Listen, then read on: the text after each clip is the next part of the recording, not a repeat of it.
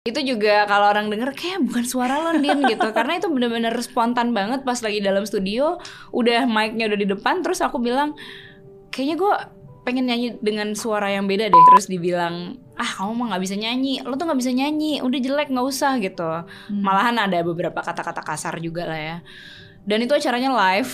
Sampai pernah tuh di jalan tol aku lagi kayak digebukin di mobil dengan mobil yang ngelaju cepet gitu ya. Pernah aku ngerasa kayak mendingan gue mati di jalan tol aku buka pintunya terus aku ngeguling gitu dibandingin aku tetap ada di mobil ini gitu. Sering kali yang membuat aku terhambat itu adalah kalau aku setiap hari berpura-pura tidak apa-apa padahal sebenarnya aku kenapa-kenapa.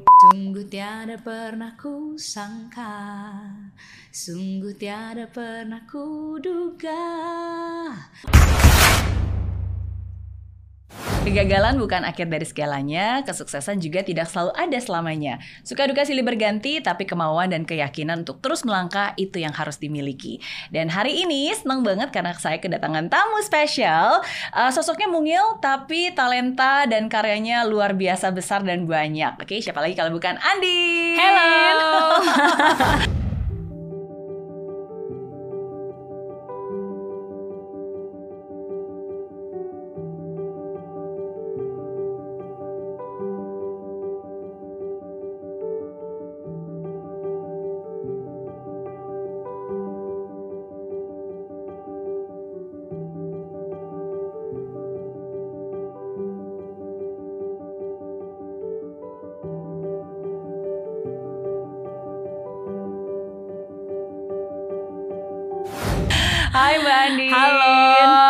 Nggak sengaja nih yang merah terus Oh kuning iya ya. gitu.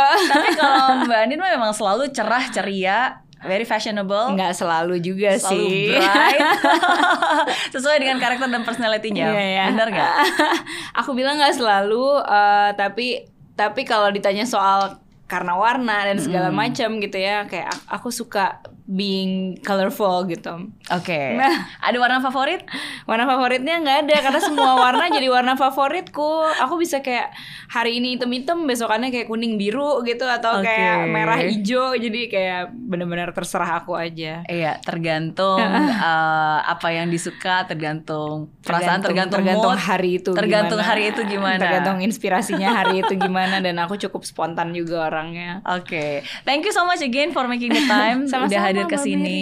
So Dan much. aku seneng banget karena akhirnya bisa ketemu langsung. Iya benar. Jadi mungkin kayak kalau ada yang belum tahu kita eh, waktu itu sebenarnya pernah secara itu secara langsung ta- tapi nggak langsung juga gitu ya berkolaborasi. Karena ada Betul. filmnya Mbak Mary dan aku di situ ngisi soundtracknya di situ sama Yes. Mas Marcel. Betul, makanya aku selalu bilang sama cinta. suami uh, suaranya Mbak Andin itu akan selalu menemani sampai akhir hayat.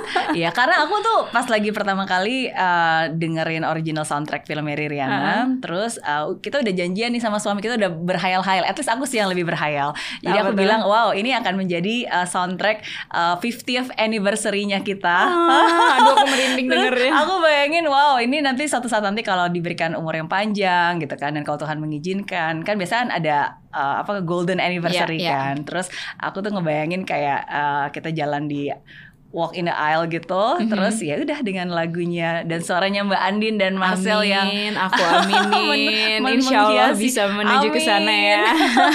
amin amin amin ya karena ya itu sih salah satu hal yang uh, nggak pernah kebayang suatu hari ya saya bisa punya um, apa ya punya privilege gitu untuk bisa bahkan ya dijadikan sebuah J- film Yes. dan dan ya mungkin bukan hanya film ya film is one thing tapi being uh, the inspiration it's another thing Thank you. another whole new level Thank you, thank you, thank you, and thank you juga udah um, menyanyikan lagunya dengan sangat sempurna.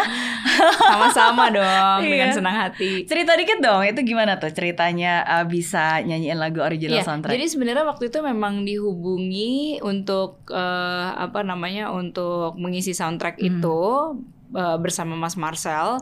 Tapi yang pasti kan eh, yang yang yang lucu tuh adalah bagaimana sebenarnya udah udah tahu sosok Mary Riana nih dari dari apa namanya dari baca dan segala macam. Cuman kan kita kayak nggak pernah bener-bener tahu eh, dalamnya seperti apa gitu kan Iya. ceritanya dan yang lainnya. Nah lagu tersebut juga merupakan lagu yang eh, buatku tuh menggambarkan uh, Mary Riana secara personal gitu kan Hmm. kayak love life-nya terus uh, apa namanya kayak perjalanan perjalanan yang apa ya bisa dibilang kayak kayak sempurnalah cinta tapi sebenarnya perjalanannya tuh ada ada kayak eh bisa dilihat dari satu sisi Mary Riananya merasa nggak sempurna gitu, Iya, iya. terus merasa jatuh, merasa gagal dan segala macam gitu sampai akhirnya menuju ke sana gitu. Hmm. Jadi buatku itu ceritanya bagus banget dan tidak ada tidak ada yang membuatku eh, tidak bisa menyanyikan lagu itu gitu. Jadi harus aku nyanyikan. Thank you. Tapi emang bener sih, maksudnya ya em, ketidaksempurnaan itulah yang sering kali menjadikan kita seseorang dan menjadikan Pasti, pasti. hidup ini Iya, unik kan. iya, pasti. Gitu. Makanya dari liriknya juga eh, kemarin dan esok hari Betul. kenangan dan, Dan harapan, betul. gitu. Kayak kayak dua sisi yang berbeda. Betul, betul. Dan em, dan itu juga em, di albumnya Mbak Andin ya. Iya, aku masukin Let It di Be My albumku. Way. Betul, di Let It Be My Way di tahun berapa tuh ya? 2000 2014. Udah lama banget ya. Iya. Gila 2014. kalau ngeliat tahun ini tuh 2021 2014 tuh kayak kayak baru tapi ternyata udah, Udah berapa tujuh tujuh tahun, yang lalu. betul betul. Dan itu juga Let It Be My Way kan juga original soundtrack film Betul. hijab ya. Betul, jadi salah. waktu itu memang si uh, album Let It Be My Way itu sempat masuk muri karena kayak album dengan soundtrack kayak semuanya jadi soundtrack gitu deh. Mm-mm. ada empat film kalau nggak salah Iya. di situ ya. Ada apa aja ya? Yang pasti ada film Mary Riana Udah di situ. iya. Oke, tapi ini juga berarti sebenarnya album itu uh, termasuk genre yang berbeda ya, karena kan sebenarnya biasanya sebelumnya jazz. Betul, betul. Jadi aku juga aku sendiri memang senang banget apa ya melakukan eksplorasi. Hmm.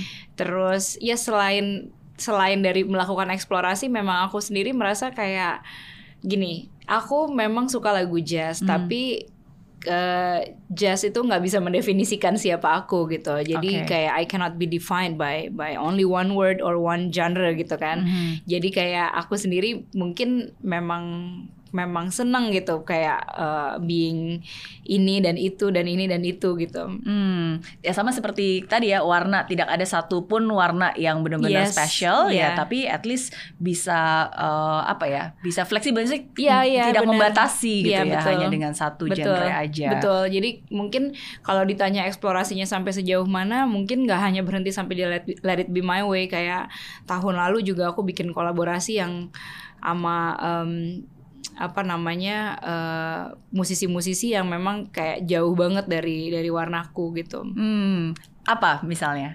Ada kemarin ini aku sempat bikin dengan musik dekat Ah. eh, judulnya Somewhere in Tajikistan. Oke. Itu juga kalau orang denger kayak bukan suara lo Din gitu karena itu bener-bener spontan banget pas lagi dalam studio udah mic-nya udah di depan terus aku bilang kayaknya gue pengen nyanyi dengan suara yang beda deh kayak nggak bukan suara aku yang kayak gini Iya, ngomong iya. dan nyanyi gitu jadi gue boleh nggak explore boleh boleh silakan gitu dan ya udah terus dikeluarin kayak gitu orang nggak ada yang tahu bahwa itu suaraku gitu jadi wah ini menyenangkan banget sih buatku karena Hmm. ternyata kayak nggak ada batasannya gitu Iya. ya. Mm-mm. Sometimes uh, kadang-kadang em, ketika seseorang itu belum terbentuk, mungkin mereka masih lebih bebas gitu untuk bisa bereksplorasi karena Iya. kan oh ya udah uh, I'm I'm I'm a free person gitu kan, nggak akan ada yang menjudge. Tapi kan Iya. ketika seseorang itu sudah ada di satu tempat, apalagi sudah bertumbuh di sana dan apalagi sudah dikenal di genre tertentu, contohnya Iya, seperti iya, kayak iya. Mbak Andin Iya. kan. Terus ketika bereksplorasi kan ada resiko bahwa itu wow bakalan Ada yang suka, ada imperfect, yang ada yang suka, ada yang Iya, suka, benar, benar, atau benar. enggak kayaknya ini nggak cocok. Nah, Iya. how do you deal with that? Ya, justru itu sih sebenarnya yang ingin aku lepaskan dalam dalam eh, berapa tahun ini berarti udah dua- masuk tahun ke-21 aku berkarya kan ya. Di hari-hari awal, di tahun-tahun awal gitu ya, aku merasa eh, kayak uh, I put so much effort untuk untuk eh, me, apa ya, melabelkan diriku gitu sebagai Hmm. penyanyi jazz gitu misalnya atau kayak oke ini genre gue gitu. Gue nggak bisa nyanyiin yang kayak those kind of things Hmm. terus itu nggak gue banget gitu jadi ada perasaan-perasaan seperti itu terus eh, semakin ke sini ya aku juga akhirnya semakin belajar karena kan Hmm. akhirnya yang yang terjadi dalam hidupku mungkin bukan hanya seperti yang dilihat di media aja Hmm. gitu jadi ada ya banyak lah ya naik turunnya terus eh, apa merasa gagal kecewa berhasil besokannya apalah jadi banyak banget gitu Naik turun ya. Ah, roller Iya. coaster banget.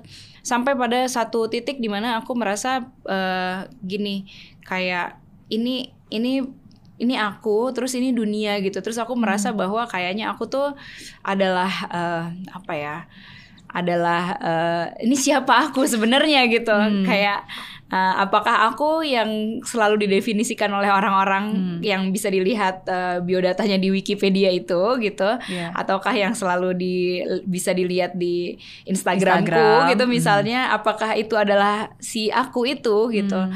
Eh, pada kenyataannya sebenarnya ternyata aku tuh sebenarnya apa ya eh, nggak ada satu hal pun yang bisa mendefinisikan siapa aku Hmm. tapi aku pun bisa menjadi siapa pun gitu sebenarnya dalam kenyataannya kehidupanku kan juga role-nya banyak sekali dan Iya. aku harus bisa switching itu semua gitu dan eh, dan harus mampu memainkan peranku sebagai siapa pun Hmm. jadi aku nggak bisa attach di di di satu image atau di Iya. satu mask atau topeng yang aku pakai gitu ya Iya. sehingga itu eh, malahan membuatku jadi ngerasa semakin ke sini aku semakin bisa bebas untuk aku berkarya Hmm. gitu untuk untuk aku bisa mencoba apa pun.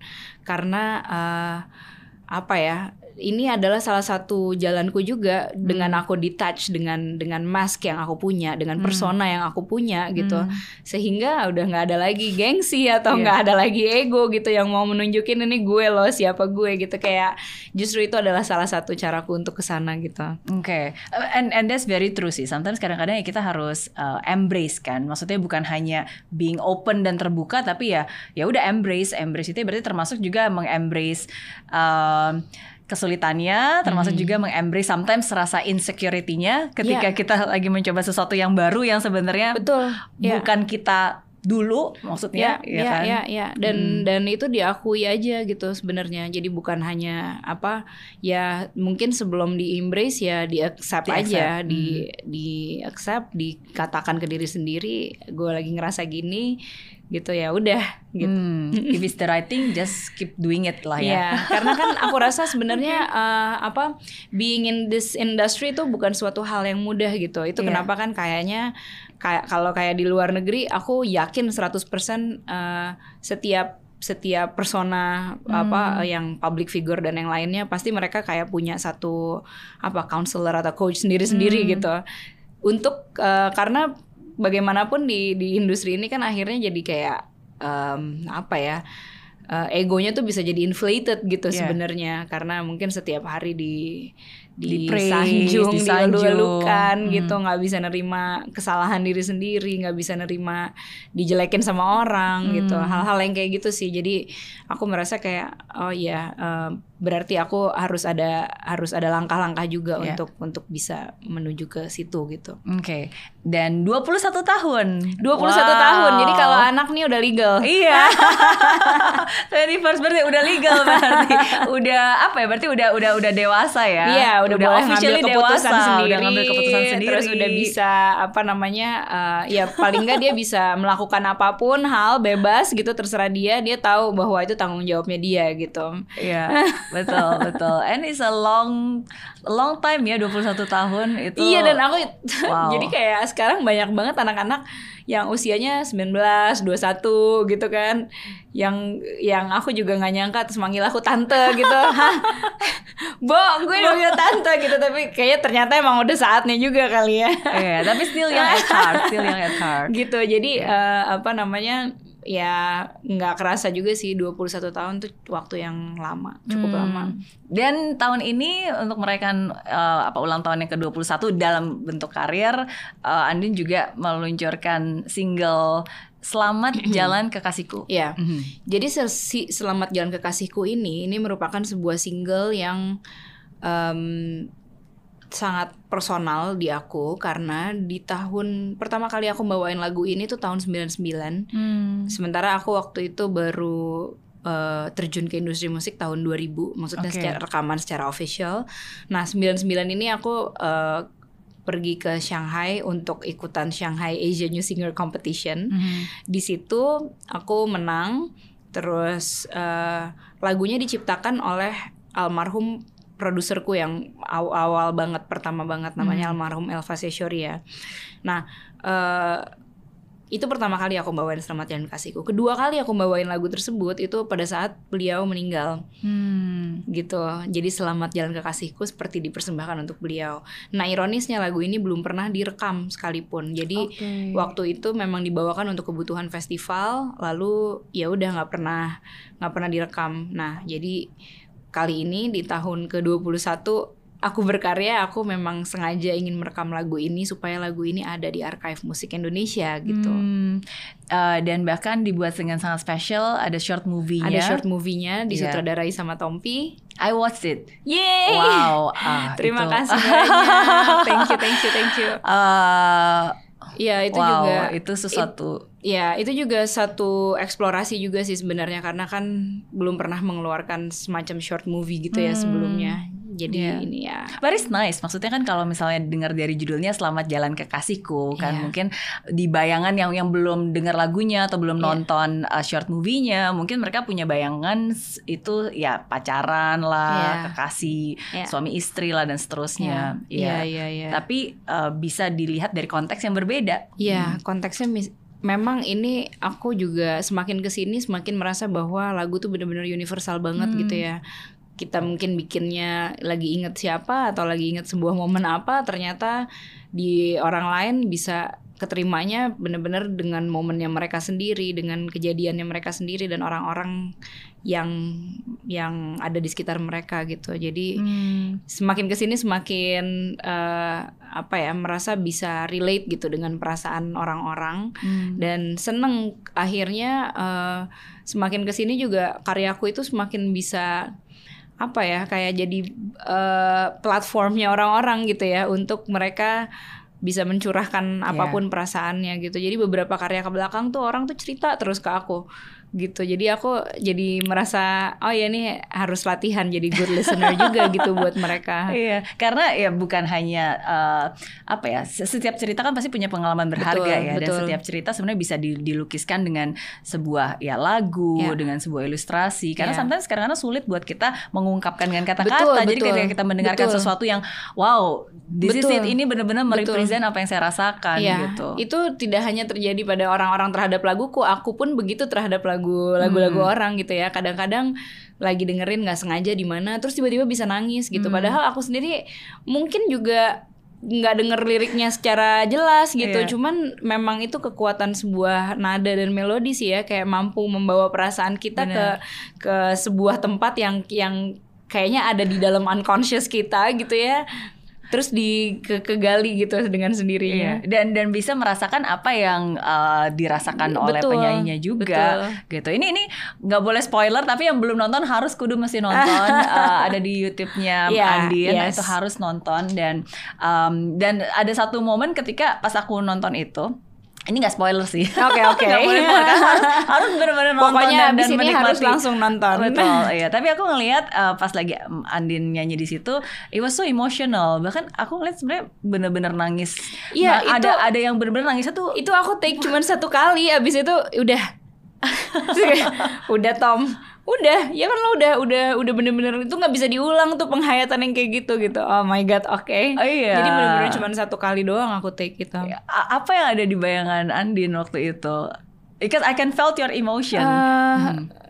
apa ya yang ada di bayanganku papaku sih Hmm. Iya karena waktu waktu abis syuting itu eh sebelum syuting papaku tuh baru aja kena covid terus dirawat di rumah sakit sampai Hmm. kayak tiga minggu terus eh, ya sebenarnya nggak berencana untuk bayangin papa juga sebenarnya berencana untuk nyanyi, Nyanyi. gitu ya cuman kok di di apa di detik tersebut gitu nggak tahu kenapa yang yang muncul pop up gitu di bayanganku adalah papaku gitu gimana Hmm. rasanya kehilangan beliau dan segala macam gitu jadi nangis deh ada aku juga nangis lihat Mbak Andin nangis. Uh-uh. Because again, maksudnya emotion itu kan uh, transferable ya, bisa Iya. dirasakan juga pastinya. Iya, jadi eh, banyak banget ya orang-orang yang bilang bahwa eh, dengan men- mendengarkan lagu tersebut dan melihat si short Hmm. movie-nya itu ada yang ada yang keinget dengan mereka yang sudah berpulang, tapi banyak juga yang malah menjadi pengingatnya mereka gitu Hmm. bahwa eh, ya kalau orang-orang tersayang nih masih ada ya segera peluk gitu. Jadi Hmm. jadi jangan momennya jangan dilewatkan, jangan disia-siakan gitu. Iya, dan aku suka um, ada kata-kata di sana uh, di di channel YouTube-nya Mbak Anin juga yang bilang bahwa jika sebuah kejadian bisa memicu beribu kenangan, apa yang ingin kamu ceritakan? Iya. Iya. Ya sometimes cerita kejadian itu menjadi kenangan yang mungkin pada saat kita ngalaminnya kita nggak kepikir ya, tapi Betul. ketika itu udah lewat, wow ada banyak. Ternyata itu benar-benar kenangan dan pelajaran banget buat kita ya. Ya, termasuk juga dari kisahnya Mbak Anin sendiri. Karena kalau Iya. aku lihat, eh, wow, ternyata di balik tubuh yang mungil dan apa ya, yang selalu ceria. Terdapat cerita yang besar. Terdapat cerita yang luar biasa. Eh, kalau tadi Mbak Anin juga sempat bilang bahwa ketika pertama kali memulai karir Mm-mm. eh, tahun 1999, berarti waktu itu masih 14 tahun. Iya. Terus masuk ke industri jazz, musik jazz Mm-mm. eh, sempat di apa sempat di bukan dibully ya sempat apa sempat Dibully. di, Iya, dibully namanya dibully. Aku sambil minum nggak Oh, apa boleh, ya? boleh boleh boleh oke Eh, minum dulu Gimana, gimana? sempat dibully Hah? oleh eh, senior musisi jazz Hmm. yang waktu itu sempat mengatakan sesuatu yang akhirnya membuat Andin terpukul dan bahkan nangis Iya, jadi sebenarnya ya, waktu itu usia aku masih 14 tahun. Eh, apa sih yang bisa dipikirkan oleh anak usia 14 tahun ya Hmm. mungkin aku di situ hanya bercita-cita aja sebagai seorang penyanyi, pokoknya pengen nyanyi, Hmm. pengen udah pengen nyanyi, nggak kepikir waktu itu apakah eh, nyanyi itu akan menjadi eh, pekerjaan nantinya, akankah mendatangkan uang Hmm. ataukah ditonton ribuan orang ataukah nanti dapat followers berapa juta gitu misalnya atau apa pun lah gitu. Jadi pokoknya nggak udah nggak kepikir penyanyi nyanyi aja gitu. Nah eh, memang pada saat itu hmm, jadi secara emosional sudah pasti belum dewasa sama sekali ya. Hmm. Jadi aku yang aku nggak tahu di situ adalah dengan orang-orang yang seperti apa aku akan berhadapan gitu Hmm. dan mungkin dielukan juga belum belum eh, siap tapi direndahkan juga belum siap gitu jadi kayak karena masih secara- labil namanya anak-anak SMP kelas 3 kan waktu itu nah terus em, waktu itu pernah lagi di sebuah acara jazz terus di dibully gitu ya sama senior. Terus dibilang ah kamu mah nggak bisa nyanyi. Lo tuh nggak bisa nyanyi. Udah jelek nggak usah gitu. Hmm. malahan ada beberapa kata-kata kasar juga lah ya dan itu acaranya live oh bete banget Oh, jadi sih tuh ngomongnya nggak langsung pers- personally one to one tapi di di depan. Jadi kayak lagi gini kak lagi di TV terus ada commercial break gitu kan udah udah Hmm. Oke, on set iya. terus mereka di belakang gitu kayak lagi ngiringin Hmm. terus aku di depan mau nyanyi Iya. terus di ngomongin gitu di pas lagi commercial Wow. break nah abis itu kan nyanyi Iya. Live lagi. live lagi. Terus aku Astaga. nangis. Oh, wow. nangis. Jadi live-nya goodbye tuh sebenarnya. Nah em, itu itu itu dahsyat banget sih pengalamannya. Dan aku sampai nelfon almarhum bang Elva itu terus cerita gitu aku tadi nyanyi jelek banget karena aku di aku dikata-katain katanya gini, gini gitu gitu jadi aku udah udah nangis nangis ya bang Elva waktu itu cuman cerita eh, ya intinya kamu baru ketemu satu orang dia gitu. Nanti akan ada yang begitu lagi akan ada yang begitu lagi. Hmm. ya eh, ya pada intinya sih sebenarnya ditarik garis ke hari ini nih sebenarnya eh, ya hanya ininya aja yang berubah ya. Maksudnya kalau dulu kan nggak ada social media segala macam ya. Jadi kayak mungkin sekarang tetap ada nih bullying gitu atau orang yang nggak suka segala macam tapi Iya. ininya berubah gitu. Eh, Konteksnya, caranya caranya, konteksnya mungkin iya. berubah caranya juga berubah medianya berubah gitu. Ya pada saat itu memang berat kalau buatku ya si anak usia 14 tahun ini. Tidak hanya itu aja tapi juga ada beberapa hal yang membuatku berat. Contoh aku kan juga belum punya pengalaman untuk bernyanyi sebelumnya kan. Bukan yang awalnya bukan dari penyanyi kafe gitu-gitu. Hmm. Uh, jadi in a way orang tuh banyak yang bilang kayak eh Anin beruntung banget gitu dia kayak nggak perlu jalanin hidup sebagai penyanyi kafe Hmm. yang uh, aku sempat dulu band-bandan cuman maksudnya ya buat for fun aja jadi bukan buat bekerja gitu Iya. banyak yang bilang aku beruntung karena aku langsung ketemu produser langsung bisa rekaman gitu Hmm. kan Um, tapi sebenarnya aku sendiri ngerasa nggak beruntung gitu karena aku justru nggak punya pengalaman untuk bernyanyi di depan orang Hmm. Nah, aku merasa aku tuh tumbuh di depan judgement semua orang. Jadi bayangin nggak kalau aku salah, Ya. orang kan udah ngelihat aku sebagai penyanyi profesional nih. Jadi kalau salah tuh aku ngerasa kayak aku diomongin di, Ya. ih nggak bagus banget sih padahal udah gini gini gini gitu. Terus misalnya orang nggak nepokin aku, aku kayak bingung gitu kayak, aduh gimana something nih? wrong Ah, gitu ah, ya. Kayaknya gue tadi nyanyinya gini ya Hmm. gitu. Jadi jadi ya ya itu tumbuh besar salah takut salah takut salah itu suatu hal yang yang yang fundamental banget sih kalau buatku Hmm. karena sebenarnya setiap orang tuh berhak untuk salah maksudnya untuk berbuat berbuat bukan berbuat salah ya kayak apalagi penyanyi ya ber- Iya. kayak salah nyanyi atau salah apa gitu kan namanya juga pendewasaan di Iya. atas panggung gitu tapi ketika aku takut karena aku uh, merasa udah punya tanggung jawab secara Hmm. profesional itu aku uh, ngerasa kayak uh, itu Hmm. kesulitan yang terbesar di awal karirku. Hmm, iya. Mm-mm. Dan dan itu benar banget sih karena setiap orang kan pasti memang apa ya berhak untuk berbuat salah. Bukan yang berhak ber- berbuat Iya, salah, tapi iya, maksudnya tapi- people makes mistakes gitu. And Iya. that's human. Cuma Yes. bedanya kalau seorang public figure di mana ada orang melihat. Jadi Iya. mereka tuh melihat kita berproses termasuk ketika kita Salah, melakukan gitu kan. kesalahan mungkin pitchingnya salah atau Ah, mungkin ah. ngomongnya salah atau whatever tapi Iya, kan iya. berbeda sekarang kan kita Betul, berada betul. di dalam kaca terowongan dan observasi orang yang mungkin lagi Betul. siap-siap nih kalau kita salah tuh kan iya betul dan itu jadi aduh amunisi. rasanya nggak enak banget gitu. Sementara itu aku juga masih sekolah, Aha. jadi masih ya apa maksudnya pikirannya tuh bukan hanya nyanyi gitu. Jadi Hmm. tetap ada yang pikiran ulangan lah, apalah kayak gitu-gitu. Hmm. Jadi ya So how do you deal with it? Gimana cara Andin mendewasakan diri dan um, menerima proses itu? Mm.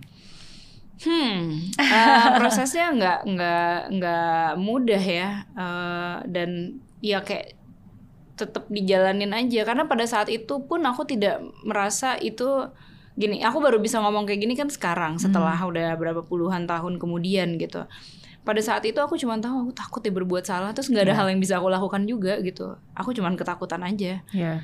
dan terus aja takut gitu dan dan terus nyanyi tapi gitu tapi Hmm. terus takut itu yang membuat aku jadi eh, ngerasa kayak susah Hmm. untuk eksplorasi gitu Hmm. kayak main kayak semuanya tuh mendingan gue ada di zona Iya. nyaman gue gitu Karena ini udah pasti kan? karena eh, karena yang ya udah yang yang nyaman-nyaman aja yang aman-aman aja gitu karena Iya. begitu bereksplorasi mungkin jadi akunya sendiri jadi merasa insecure mungkin gitu Hmm. Terus plus lagi ketambahan lagi di album album album awal itu kan aku juga masih remaja banget gitu ya. Jadi yang namanya masalah pribadi itu pasti kayak Hmm. ke seret-seret ke pekerjaan gitu. Mhm. Karena semuanya emang nyampur jadi satu kan kerjaannya gitu cuman nyanyi, sekolah, pacaran, teman gitu ya. Jadi kayak Iya. ada yang berantem sama temen tuh ada ini gitu. Terus udah gitu berantem sama pacar gitu. Jadi jadi kecampur-campur tuh jadi satu Hmm. itu juga cukup berat juga buat aku. Hmm, ya eh, termasuk juga em, sempat memiliki hubungan relationship yang toxic. Toxic relationship, Iya. ya itu itu iya banget. Jadi eh mulainya tuh waktu itu kapan ya? Kayak waktu eh kuliah deh kalau nggak salah ya. Aku tuh sempat pacaran sama seseorang yang eh mukul. Jadi Hmm. mu- mukul itu bukan sekali doang, maksudnya udah kayak itu daily basis kayaknya emang abusive lah. abusive. Jadi Iya. kalau nggak dipukul, di eh, pernah dibeset pisau lah, eh, dicakar lah, gitu segala macam. Hmm. Jadi em, itu makeup artisku hari-hari itu tahu banget kalau waktu itu pernah aku datang ke studio mau nyanyi mataku lebam yang satu tuh kayak nggak bisa nggak bisa ngebuka karena Hmm. udah biru dan udah apa berair gitu terus dia juga ya ampun Andien gitu nah itu juga aku juga gimana sih mau nyanyi lagu senang gitu ya Iya. tapi sebenarnya hatinya tuh lagi nggak karuan matanya lagi lebam biru dan ya mungkin hanya cuman aku manajerku makeup artisku yang tahu gitu Hmm. penonton mana tahu gitu kan ya mungkin taunya aku nyanyinya kok nggak seprima biasanya sih gitu ya Iya. cuman ya banyak hal banyak hal yang yang eh, terjadi di belakang panggung gitu Hmm. itu eh, jadi apa ya jadi pembelajaran banget gitu untuk Hmm. untuk aku sampai hari ini Hmm. Bagaimana caranya waktu itu? Misalnya kayak ketika Andin berada dalam uh, relationship yang is very abusive yang pada Hmm. saat itu kan sebenarnya di dibully lagi ya tapi sebenarnya bulinya sekarang lebih ke Beda bully lagi. fisik beda lagi. Ya kan? Abis itu ada lagi yang bully mental gitu. Wah gila, heboh, heboh banget deh perjalanannya. Iya, bahwa ternyata kan siapa yang menyangka bahwa yang kayak tadi saya bilang kalau bayangan Nggak, saya sih benar. Andin itu wow kayaknya enak banget gitu hidupnya. Perfect gitu kan cantik ya kan? Mau pakai baju apa juga keren oke. Karirnya pun juga dari usia muda dari remaja juga udah berkarir gitu. Jadi kan kesannya wow it's also good so happy. No wonder she's so happy gitu kan. Tapi ternyata ketika aku uh, tahu dan aku mencari tahu wow ada banyak hal yang harus uh, kamu laluin. Termasuk kayak tadi bullying tadi. Iya, Mm-mm. iya. bullying secara fisik bahkan kan. Mm. Iya dan itu itu heboh banget sih. Maksudnya pacarannya sih nggak lama ya. Aku rasa kayak 9 bulan. Tapi 9 bulan dengan Hmm. tiap hari dibully secara fisik itu kerasanya lama banget Mhm. gitu jadi aku tuh sampai pernah kayak di apa mau sampai pernah tuh di jalan tol aku lagi kayak digebukin di mobil dengan mobil yang ngelaju cepet gitu ya pernah aku ngerasa kayak mendingan gue mati di jalan tol aku buka pintunya terus aku ngeguling gitu Mhm. dibandingin aku tetap ada di mobil ini gitu Hmm. Em, ya akhirnya sih ya ini ini hampir selalu terjadi di toxic relationship ya. Jadi kayak kalau misalnya em, apa biasanya aku putusin atau aku mau udahin hubungannya kemudian terus dia ngerasa dia salah dan segala macam lalu aku kasihan gitu. Hmm. itu kayak ha- terjadi banyak banget cerita yang seperti itu. Tapi ya akhirnya eh, udah juga sih udahan. Tapi hanya hanya ini aja kayak eh, kayak dari lubang yang satu pindah ke lubang yang lain gitu jadi sebelum eh, akunya berubah sebelum akunya berubah aku hanya kayak pindah dari satu lubang ke lubang yang lain Hmm. begitu aku selesai dengan relationship yang satu kemudian ada relationship yang lain lagi yang nggak kalah toksiknya gitu Oh. secara mental Oke. nanti ada lagi yang lain lagi ada aja yang terjadi gitu sampai akhirnya em, itu terus terus terus terus terus berjalan sambil karirnya juga terus berjalan gitu ya Em, sampai akhirnya aku ada ada di satu relationship aku putus terus merasa ada di titik terendahku gitu. Aku sampai kayak ngerasa kepengen bunuh diri. Terus ngerasa eh, pokoknya mamaku tuh dampingin aku terus setiap Hmm. hari karena sebenarnya aku udah udah udah pergi dari rumah tuh dari kayak dari dari kapan ya umur 26 apa 27 kali ya udah memutuskan untuk udah keluar rumah aja gitu Mhm. Terus tapi hari-hari itu itu setiap aku nyanyi aku ditemenin sama mama karena aku tuh hampir nggak sebenarnya udah nggak mau nyanyi gitu. Hmm. Tapi karena aku te- harus tetap bernyanyi, jadi aku kayak sebelum nyanyi tuh wah itu udah makeup, maskara udah di mana-mana karena aku ngerasa udah nangis terus. Hmm. Mamaku juga tiap hari tuh kayak udah melukin aku terus gitu tiap hari dan aku juga udah ngerasa di titik terendah banget sampai uh, doanya tuh berubah gitu ke Tuhan gitu ya kayak dari yang tadinya gue pengen ini gitu sampai akhirnya terserah lo deh gitu terserah terserah Tuhan deh Iya. maunya gimana gitu Apa Dan yang itu- terjadi sebenarnya di, di, di, eh, di saat titik terendah itu? sebenarnya sih masalah relationship masalah relationship ya cuman uh, nggak bisa dianggap mudah karena uh, aku ya merasa attached sekali dengan dengan my previous ex Mhm. Uh, dan apa ya uh, aku merasa hubungan-hubunganku yang toxic toxic toxic toxic toxic toxic ini sebenarnya uh, kalau aku lihat dari kacamata sekarang itu kan terjadi sebenarnya semua karena satu uh, childhood trauma gitu ya Hmm. yang akhirnya mem- membuat aku tuh attach dengan uh, this this kind of guys Hmm. gitu jadi kayak uh, apa dan dalam satu hubungan juga akunya mungkin jadi attract yang eh, attract sifat-sifat yang seperti itu Oke. gitu Iya. karena akunya seperti itu jadi sampai akhirnya aku udah di titik, di titik terendah dan akunya sendiri eh, berserah dan dan berubah gitu baru deh akhirnya secara tidak direncanakan tiba-tiba suamiku datang terus nggak nggak berencana pacaran juga terus eh, akhirnya jadi pacaran akhirnya jadi nikah Hmm. padahal nggak ada rencana gitu tapi ya akhirnya jalannya smooth banget gitu Hmm. cuman ya harus sampai ke titik yang paling bawah dulu Hmm. harus sampai kayak guling-guling dulu dulu gitu karena kalau nggak kitanya nggak Iya. berubah gitu Iya, iya, iya, iya.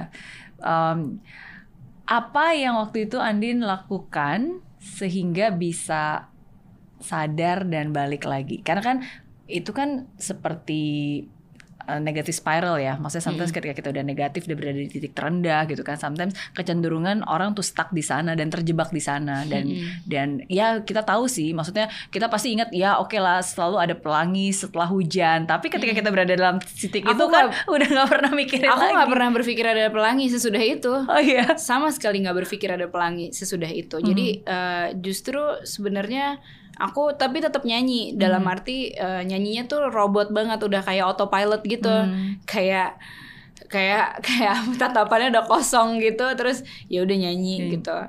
Hmm. Eh, apa namanya? Jadi buatku eh, berat banget. Nah, tapi beberapa beberapa saat juga merasa bahwa kadang-kadang musik juga sih yang bisa menyelamatkan aku gitu. Kalau Hmm. aku nggak nggak nggak nyanyi dan aku nggak bertemu dengan Hmm. teman-teman musisi atau band playerku atau berkarya gitu, Oke. mungkin aku juga sulit gitu untuk untuk bertahan Hmm. jangankan untuk naik ya untuk Iya. bertahan di situ gitu karena uh, sebenarnya bagaimanapun yang aku butuhkan kan pasti adalah uh, rilis kan maksudnya aku accept dan aku rilis gitu Hmm. aku udah accept banget tuh sebenarnya tapi cara merilis that energy kan sebenarnya perlu ada ada Iya. cara-cara gitu kan yang sebenarnya itu naturally happen untuk aku nyanyi, untuk aku nulis Hmm. segala macam naturally happen. Aku nggak ber- bermaksud untuk merilis ses- sesuatu gitu, Hmm. energi negatif atau apa pun dari aku. Tapi begitu aku sekarang ngeliat ke situ ke hari-hari itu aku merasa confirm nih kayaknya yang Iya. membuat aku salah satu yang membuat aku bisa bertahan adalah karena aku tetap apa eh, punya penyaluran gitu. Iya, because you keep going, makanya tetap beraktivitas, tetap nyanyi juga, tetap ketemu orang juga, ya dan penyaluran tadi sih, Iya. Uh, karena kalau jangan sampai justru kita malah nyimpen, nanti Iya, malah jadi di- depresi, dipendem gitu ya semuanya kan. Betul. Iya, dan aku rasa sih sebenarnya aku ya dibilang depresi sudah sudah sampai di tahap itu gitu ya, tapi ya alhamdulillahnya terselamatkan. ya, ya. Puji Tuhan masih banyak orang-orang yang mendoakan, mama yang juga memberikan support dan Iya, dukungan aku ya. rasa mama salah satu yang Iya. terbesar sih. Dan yang tadi Mbak Andin bilang juga benar banget seperti yang tadi Andin bilang bahwa um, dengan terus berkarya ya. Karena aku juga percaya banget bahwa sebenarnya uh, lawan kata depresi itu bukan happiness, bukan gembira, tapi lawan kata depresi itu adalah ekspresi. Ah, Jadi cara untuk bisa keluar dari depresi ya kita harus bisa Mengekspresikan. mengekspresikan Iya. baik itu lewat lagu kayak nyanyi kayak nulis sesuatu kayak gambar kayak melukis Iya, kayak iya, gitu kan. iya. Dan makanya banyak orang kadang-kadang ketika mereka berada dalam tahap sulit susahnya, Iya. uh, sometimes tiba-tiba jadi muncul sebuah karya yang nantinya luar Iya, iya, biasa iya, karena iya, dia iya, nggak benar. bisa ngeluarin kan, Benar, jadi ya benar. ngelukis, Benar, gambar, benar. nyanyi dan seterusnya sih. Ya, Benar. so wow, just keep going and just keep singing. Iya, betul, betul. nyanyi. Iya iya. Ya dan again ya kita memang harus melalui ma- masa-masa sulit ya. In Iya. uh, in order for us to get our best day we have to go through our super bad day. Iya itu bener banget kok. Soalnya em, aku percaya sih kayak eh, ya kayak kalau misalnya grafik itu kan kalau misal dia harus Iya. kayak turun dulu gitu baru dia bisa. Kalau enggak kayak kalau kayak gini terus kan Iya. ya yang ada nggak berkembang gitu kayak Hmm. misalnya detak jantung juga nggak mungkin kayak gini terus dia harus gini dulu Harus baru dia naik bisa turun. gitu gitu dan selalu begitu emang Hmm. Ininya ya apa kurvanya Dan akhirnya hadiah dari Tuhan adalah seorang IP. iya iya betul Bener kan? Iya. Oke. Em, tapi apa yang berubah nih? Tadi kan Andin bilang kayaknya ya memang harus harus susah karena kalau nggak susah ya kita nggak berubah gitu. Mm-mm. Dan akhirnya setelah berubah baru semuanya jadi uh, it's getting better and better. Jadi apa yang berubah dari sosok Andin yang sebelumnya dengan yang sekarang? Em, sejujurnya per- eh, pada saat itu aku juga tidak merencanakan adanya perubahan yang Hmm. kayak oke aku harus berubah gitu tapi kayak perubahannya tuh terjadi naturally gitu Hmm. kayak dan mungkin unconsciously gitu ya udah di alam bawah sadarku berubah gitu Hmm. tapi tidak di apa tidak direncanakan dan di eh, apa sudah udah di ditulis dulu segala Hmm. macam gitu enggak tapi kalau aku ngeliat ke hari itu mungkin eh, aku lebih honest Hmm. jadi honest to myself gitu ya sehingga ini membuahkan aku bisa honest juga ke ke Hmm. pasanganku terus pasanganku pun juga bisa me apa ya mengekspresikan apa pun secara lebih honest juga gitu Hmm. itu penting banget karena bertahun-tahun dari aku kecil mungkin aku tumbuh di sebuah keluarga yang kayaknya honesty tuh kayak sulit banget gitu buat di dijunjung gitu sama, sama Hmm. karena mungkin ada ada kan kalau misalnya di keluarga zaman dulu lebih yang kayak ah buat jaga perasaan Iya, nggak gitu enakan. enak nanti daripada dia nggak seneng kayak gitu-gitu Iya. kayak kalau sekarang di relationship aku mungkin itu juga salah satu yang membuat kita cukup stabil gitu ya sampai Hmm. hari ini adalah ya itu benar-benar apa adanya banget Hmm, ya, ya, M- eh, ya. Sometimes kadang-kadang kita juga harus em, apa ya, ya berani dan bisa menyuarakan, tapi of course dengan environment yang tepat, Yes, den- betul. dengan orang yang tepat juga, Iya, gitu. betul betul Mm-mm. dan aku rasa ya kan alike attracts alike ya jadi kayak kalau uh, sekali lagi memang harus dari kitanya gitu sehingga sehingga ya kan kita bisa melihat kita seperti apa dari pasangan kita gitu sebenarnya Hmm, berarti setelah melalui per- begitu banyak perbulian, Mhm. ya kan karena dari dari kecil juga pernah dibully uh, Iya. verbal, uh, Yes. dari di sekolah juga di sekolah juga, juga digencet-gencet. itu beneran, maksudnya beneran digencet-gencet gitu. digencet digencet. Tapi ya mungkin nggak sampai yang diculik gitu-gitu enggak sih. Iya, ada iya. teman-temanku yang lebih parah dibulinya daripada aku. Oke. Uh, kemudian tapi aku rasa ya uh, bullying itu masih ada juga sih. Maksudnya sampai aku nggak tahu kalau hari ini ya sampai aku punya anak pun kan waktu itu aku juga sempet tuh di apa namanya um, kayak ada bullying dari para ibu-ibu yang lain gitu ya Hmm. karena mungkin nggak nggak sesuai Iya. dengan caraku misalnya membesarkan anakku atau melahirkan atau yang lainnya gitu sehingga jadi bahan bullying ibu-ibu juga gitu. Ya tapi Jadi itulah tidak hidup ya. Bener karena eh, apa namanya ya aku aku yakin ya orang yang nggak suka kan pasti akan selalu Iya. ada ya gitu. Iya. Tapi kitanya nih gimana nih gitu keganggu nggak dengan mereka gitu. Hmm. Ya, ya, itu namanya itu hidup juga seperti itu. Makanya saya selalu bilang hidup itu aneh. Hidup itu Tuhan yang ngasih, kita yang jalanin, Ah, netizen yang ngomentarin. Iya kan? ya udah gitu ngapain Iya, juga iya, dipikirin, iya, bener iya, ya? Iya. Kalau gitu cara terampuh menurut um, Andin untuk bisa mengatasi atau at least mungkin uh, berarti ada dua tahap ya. Pertama mengatasi orang-orang yang yang melakukan hal tersebut bullying dari dari segi fisik, verbal, mental. Dan yang kedua gimana how to heal, how to heal a broken heart karena mau mau kita nggak dengerin pun kan sebenarnya udah sempat pernah terdengar, pasti kan nyantol juga. Nah itu dia. Jadi sebenarnya em, banyak hal yang aku pelajarin dalam beberapa tahun ini dan ini tuh sangat menarik gitu. Karena eh, yang terakhir itu cukup mengena banget di di hatiku gitu ya kayak emang kok kayak gitu ya Iya. emang masih kayak gitu ya gitu jadi Ya. di, di apa yang terakhir? yang yang terakhir waktu yang aku bilang para ibu itu gitu Oh oke oke. Uh, dan dan sedih banget karena kan uh, kita selalu dengar kan women support women gitu di luaran tapi yang terjadi kan malahan kayak para perempuan itu adalah judge yang paling yang paling keji untuk Iya, iya. perempuan lainnya gitu sehingga makanya di buku belahan jantungku yang sempat aku keluarkan aku sempat nulis uh, salah satu percakapan dengan Mbak Najila Shihab di situ judulnya perempuan versus perempuan gitu Hmm. karena ternyata memang yang seharusnya perempuan dan perempuan saling bergandengan malahan kayak lebih banyak saling ngebully gitu. Iya. Nah em, caranya ya, jadi kalau dari yang aku pelajarin dari beberapa tahun ini, yang aku yakini gitu ya, em, bahwa kan sebenarnya apa yang terjadi di our external world gitu Hmm. ini kan sebenarnya adalah cerminan dari our inner world gitu Hmm. kan. Jadi apa yang kita lihat di di luaran ya ini sebenarnya cuma cerminan dari apa Hmm. yang ada di dalam. Nah, eh, ini semua kan kejadian di luar dari tadi aku dibully sama eh, pacarku misalnya, sama senior, Senior. sama ini, sama itu, sama netizen misalnya.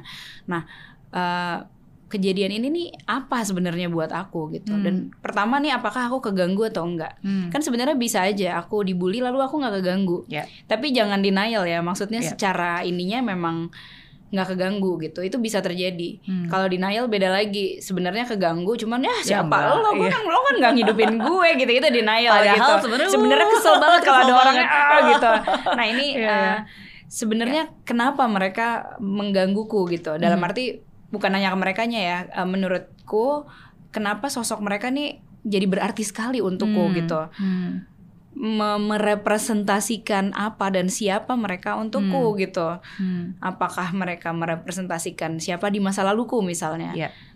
Gitu itu itu pertanyaan yang paling penting untuk dijawab sehingga um, ya melalui ber- ada sesi-sesi konselingku gitu ya jadi ketahuan tuh kayak root cause-nya Hmm. dari mana sebenarnya uh, mereka mewakili siapa di dalam kehidupanku yang dulu Hmm. gitu ya di masa kecilku misalnya sehingga ketika uh, proses itu terus digali dan digali digali digali lagi hanya dengan aku accepting hanya dengan aku berbicara dengan apa namanya aku di masa kecil misalnya Hmm. atau dengan kejadian-kejadian aku di masa kecil sehingga mungkin hari ini masih ada tuh mungkin Hmm. ya tapi aku nggak tahu secara detailnya tapi definitely kayaknya udah less mengganggu gitu kalau buatku Oke.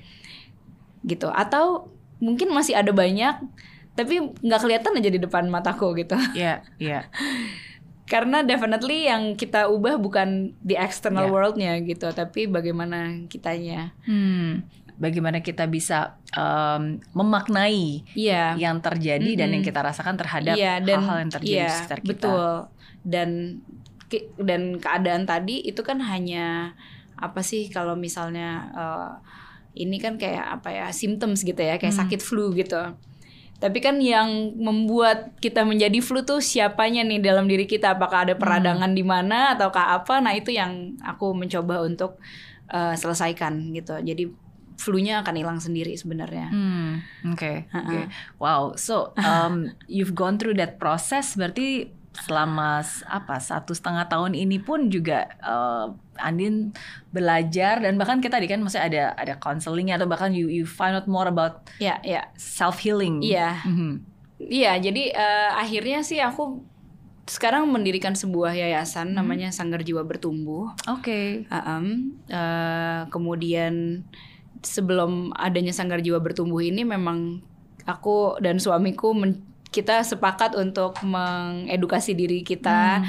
memberdayakan diri kita juga gitu ya. Akhirnya kita ikutan uh, Chiron Movement itu tuh. Indonesian Academy of Psychotherapy Counseling and Coaching. Oke. Um, sebenarnya kita sih nggak pernah ada rasa ingin jadi coach ya, Iya. tapi kita justru kepengen banget ilmunya dan supaya ini tuh bisa kita pakai juga untuk untuk Iya. anak-anak kita gitu, untuk awal, untuk tabi gitu. Karena bagaimanapun uh, akhirnya kita yang bertanggung jawab kan terhadap karena tahu gitu root cause-nya dari segala macam ini tuh adalah kita di masa kecil dulu gitu Hmm. sehingga masa kecilnya mereka menjadi sebegitu pentingnya untuk bagaimana mereka menjalani hidup di masa depannya gitu. Iya, ya, setuju, setuju. Iya. Karena kan again ya again kita nggak bisa mengendalikan apa yang di luar kita. Betul. Makanya kita penting banget untuk bisa menguasai and then be the Betul, master of betul. our mind, our Betul, feeling. Tapi betul. bagaimana kita bisa menjadi master dari pikiran dan perasaan kita kalau kita aja nggak ngenalin gitu Betul, sebenarnya betul. penyebabnya apa, triggernya apa, Iya. why do I feel this way, Yes. how can I think this way gitu. Iya. Kenapa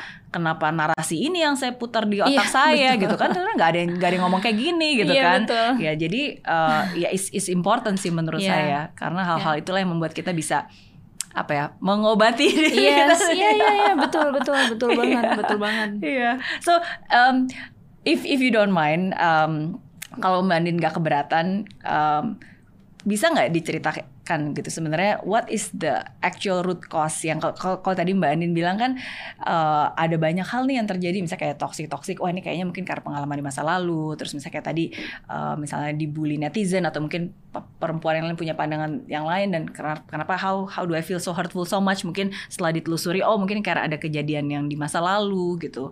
So what uh, what was the root cause in your Wah, life karena kejadiannya banyak, jadi root cause-nya ada banyak ya. Cuman Hmm. eh, aku bisa bilang pastinya terjadi dari eh, ayah ibuku. Mhm. Tapi hampir semua manusia tuh juga pokoknya uh, bagaimana karena kan interaksi kita pertama kali di, di dunia adalah dengan mereka kan Hmm. gitu jadi dan kita tuh punya kebutuhan-kebutuhan sebagai manusia gitu ya termasuk aku juga punya kebutuhan-kebutuhan yang uh, seharusnya dipenuhi oleh kedua orang tuaku gitu untuk memenuhi uh, apa ya kayak tahapan-tahapan awalnya gitu. Hmm.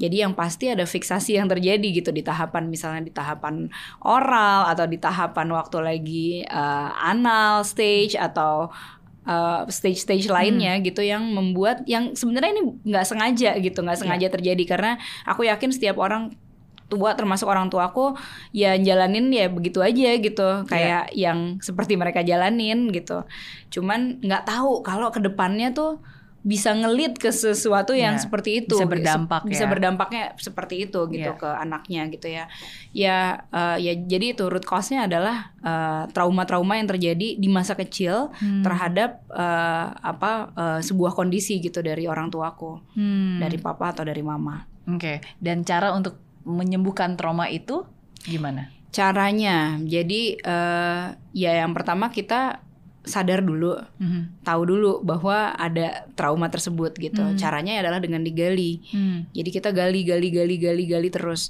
Menggali ini bukan sesuatu yang mudah karena kita sebagai manusia itu kebiasa banget untuk eh, melakukan berbagai macam pembenaran Ya. gitu, atau pembenaran eh, atau kayak ya udah deh syukurin aja deh gitu.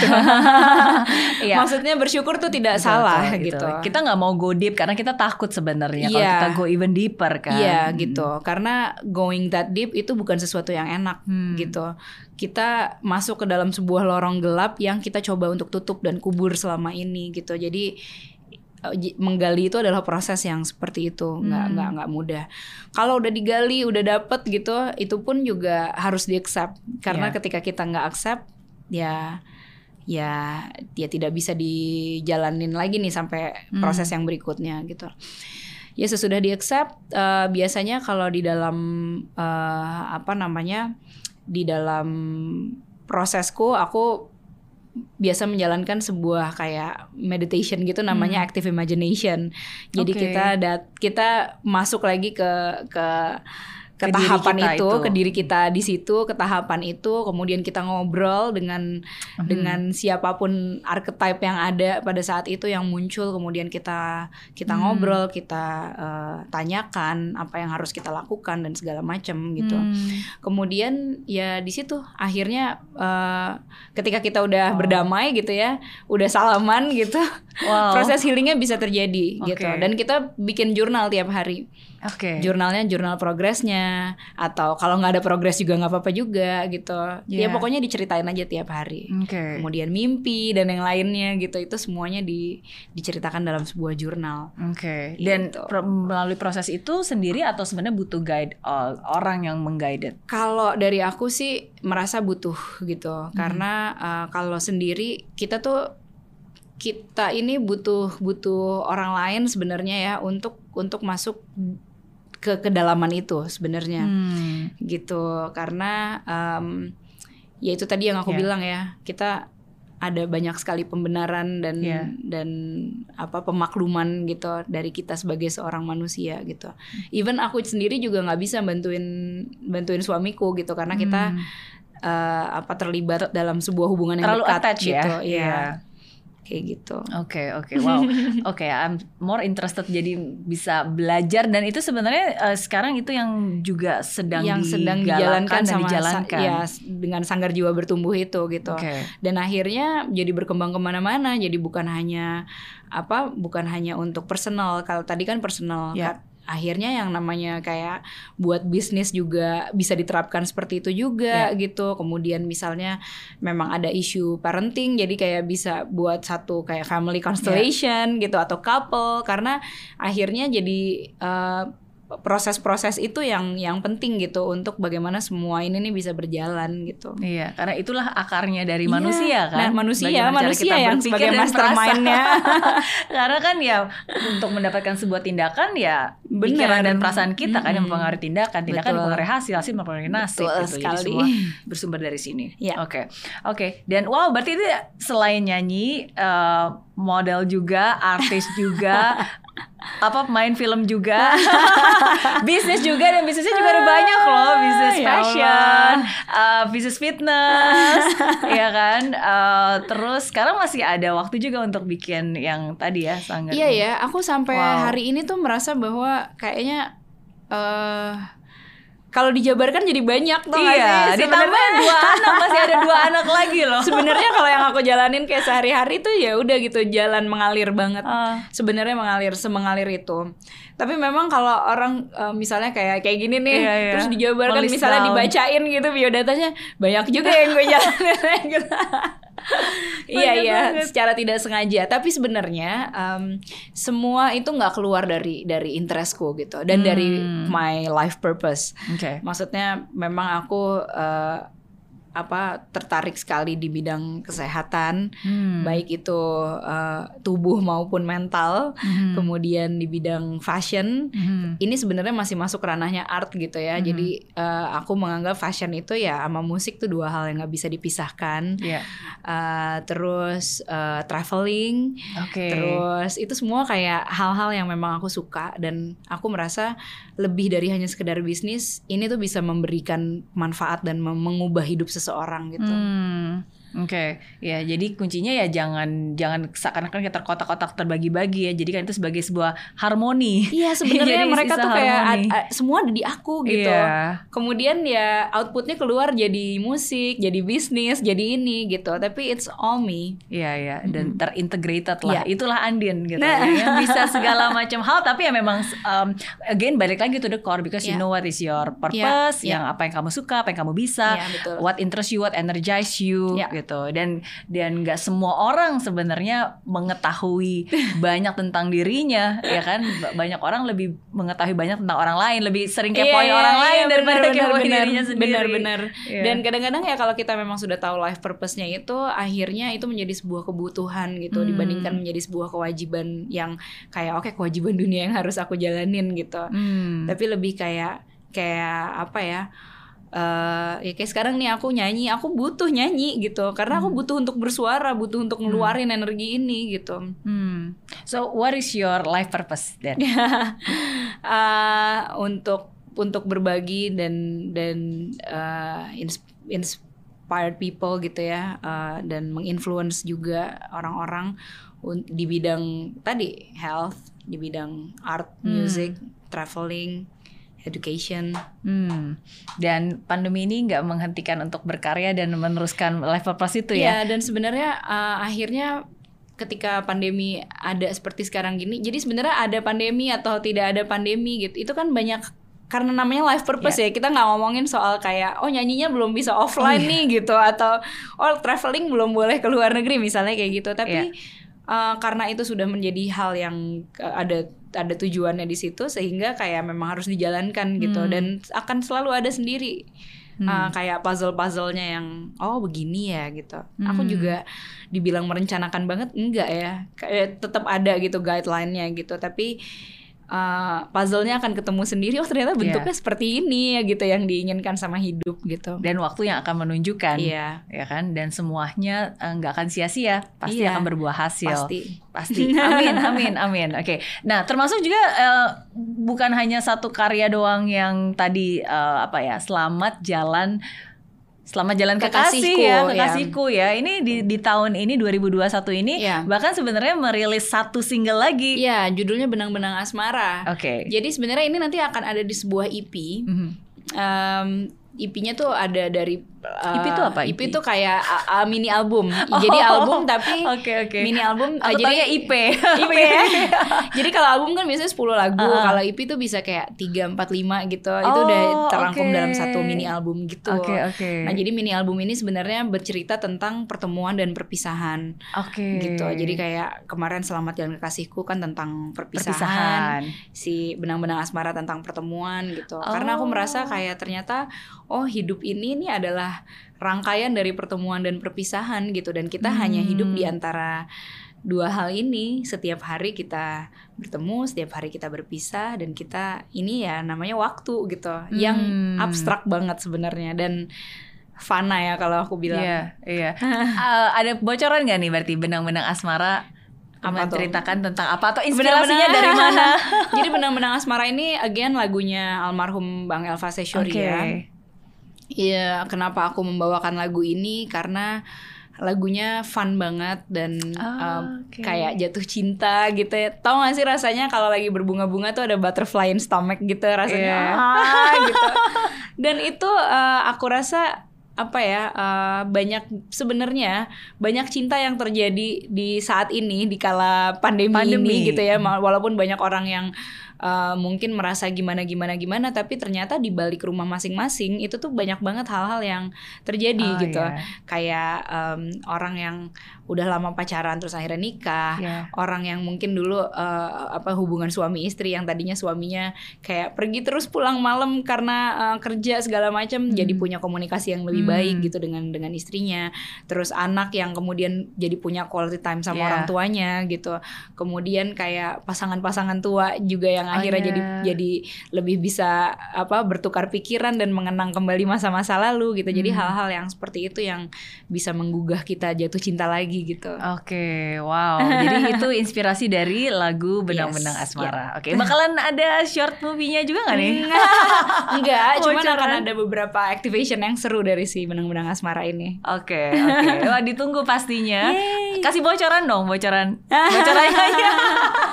Lagunya nih aku iya, nyanyiin. Itu Oke, apa? Berarti oke. apakah jazz atau pop atau apa? lagunya sebenarnya pop jazz. Ya. Oh, oke oke. Oh, boleh boleh boleh kasih bocoran berarti nih.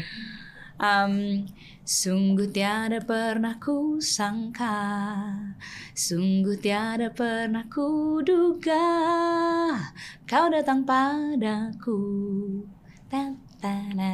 Kau bawa diriku melayang, mata hati kita bicara tentang kita cita dan cinta. Eh, jadi panjang Eh. banget nyanyinya. gitu deh. Thank you. Wow, berarti lengkapnya bisa didengerin, Dengerin di semua digital streaming platforms. Yes, uh, termasuk di YouTube Di YouTube juga. Mbak Anin juga ada. Yes, di YouTube Harus subscribe juga. Harus subscribe ya. Harus subscribe. at Andin Aisyah. Oh nggak Yes. pakai at ya, Andin Aisyah. Yes, ntar kita tulis di di sini. Siap. Yeay. Oke, berarti eh, terakhir nih kan kalau misalnya di Zero to Hero kita selalu membahas tentang eh, masa-masa titik terendah. Pasti kan setiap orang punya masa titik terendah dan banyak orang bahkan mungkin saat titik terendahnya banyak banget. Oh iya, Gimana ya? masa? Jadi apa yang terendah yang terendah kalau gitu? Eh masa harus ada banyak titik ada terendahnya? banyak, ada banyak. Itu yang tadi aku bilang kan yang tentang relationship. Ah, ah. Kemudian yang di kerjaan ada juga gitu. Oh, jadi oke. jadi banyak. Yang paling rendah, yang paling memorable, paling rendah, Eh, yang paling sulit banget. Kak, aku nggak pernah ngukur sih ya, cuman eh, ya itu ya banyak yang sulit. Eh, salah satunya ya waktu di kerjaan itu juga sulit juga waktu itu kayak Hmm. berpisah dengan my previous manager gitu ya. Terus em, waktu itu aku juga kayak sempet di blacklist sama semua IO gitu. Oh, kenapa? Karena kayaknya ada masalah dengan dengan manajerku pada saat itu gitu Hmm. gitu jadi eh, apa namanya itu juga bukan hal yang mudah karena kan udah bangun karirnya ber 10 tahun lebih gitu terus tiba-tiba kayak harus merangkak dari bawah lagi gitu untuk Hmm. nelfonin satu-satu menjalin Hmm. hubungan baik gitu itu bukan hal yang mudah dan ya yang tadi aku cerita itu juga nggak mudah juga Yang eh, netizen yang, it- mana? yang itu juga yang yang relationship Yang tadi relationship, itu juga oke, gitu oke. jadi kalau dibilang titik terendahnya banyak banget sebenarnya Hmm. modelannya aja beda-beda. Nah, kalau itu siapa? Gini, jen- jenisnya beda, Jenisnya jenisnya beda-beda. iya. Oke. Apakah ada kayak kata-kata khusus atau orang yang selalu menyemangati atau apa yang paling ampuh gitu untuk membuat seorang Andin ketika lagi sad, lagi sedih gitu kayak oke. hapus air mata. Jalan lagi. Em, apa ya? Wah ini sulit banget sih, karena seingatku tuh sebenarnya aku, oke, eh, jadi mungkin karena pekerjaanku tuh adalah sebagai seorang penyanyi, sehingga ketika aku ada di di titik terendah gitu ya dan merasa kesusahan dan aku harus bernyanyi, maka aku harus memakai topeng tidak apa-apa gitu Hmm. bahwa aku tidak apa-apa aku sedang uh, mempersembahkan yang terbaik gitu untuk para penonton tapi ketika di rumah aku harus merasa harus melepas topengnya Hmm. dan aku harus menangis puasnya gitu Hmm. kayak aku harus ngerasain ini aku harus eh, apa apa ya istilahnya kayak katarsis gitu ya aku harus bener-bener sampai aku ngerasain betul-betul gitu karena eh, hanya dengan ngelepasin kayak gitu aku akhirnya bisa jalan lagi Hmm. Mm-mm. kadang yang membuat kadang aku merasa sering kali yang membuat aku terhambat itu adalah kalau aku setiap hari berpura-pura tidak apa-apa padahal sebenarnya aku kenapa-kenapa. Hmm. Hmm. Oke. It's okay not to be okay ternyata Iya. kan. Iya. Betul. Eh, apa kata eh, apa cara Mas Ipe untuk nyemangatin Andin? Beda. nggak ada sih. Jadi dia bener-bener em, kayak kalau aku lagi nggak semangat dia selalu kayak "Oh, iya nggak apa-apa gitu. Iya. Aku aku kasih waktu dan ruang kamu untuk Oke. tidak semangat Iya. gitu. Iya. Kayak Yes. you deserve apa eh, bukan you deserve ya kayak kamu punya privilege untuk untuk Hmm. merasakan tidak semangat. Hmm. It's okay gitu. Hmm. Gitu jadi em, tapi ya nggak apa-apa ya kerja tetap profesional kerja dan yang lainnya. It- jadi ya itu yang kira-kira apa eh, Iya. yang kita berusaha untuk lakukan. memberi ruang, memberi, Memberi ruang, waktu, memberi waktu. karena kita layak untuk mendapatkan ruang dan waktu itu Benar, karena kita benar. juga manusia. Iya benar. Iya. Thank you so much. Sama-sama. Terima Mbak kasih Mary. sudah selalu so berbagi. Sama-sama terima kasih. Uh, I'm so encouraged by your story dan uh, Thank again you. seperti saya bilang pasti banyak banget orang yang juga bisa relate karena ya again um, ini bukan sesuatu yang mudah apalagi buat seorang wanita di masa pandemi di mana ada banyak hal yang harus dikerjakan. Ya betul, betul, betul, betul banget. Kayak kan? gini kan juga apa namanya? Ada dua anak yang nungguin di Iya, rumah.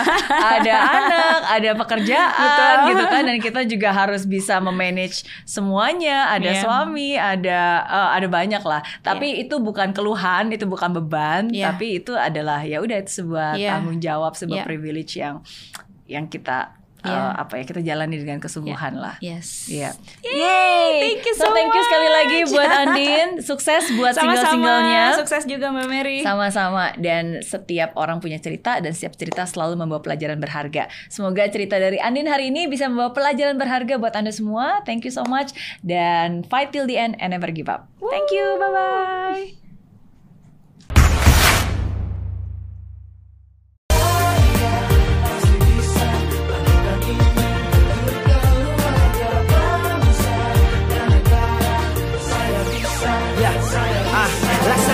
Tanpa hujan, hidup tanpa tujuan, kering dan mati tanpa hijaunya tumbuhan. Ah, demikian kalau mimpi tak kunjung terjadi.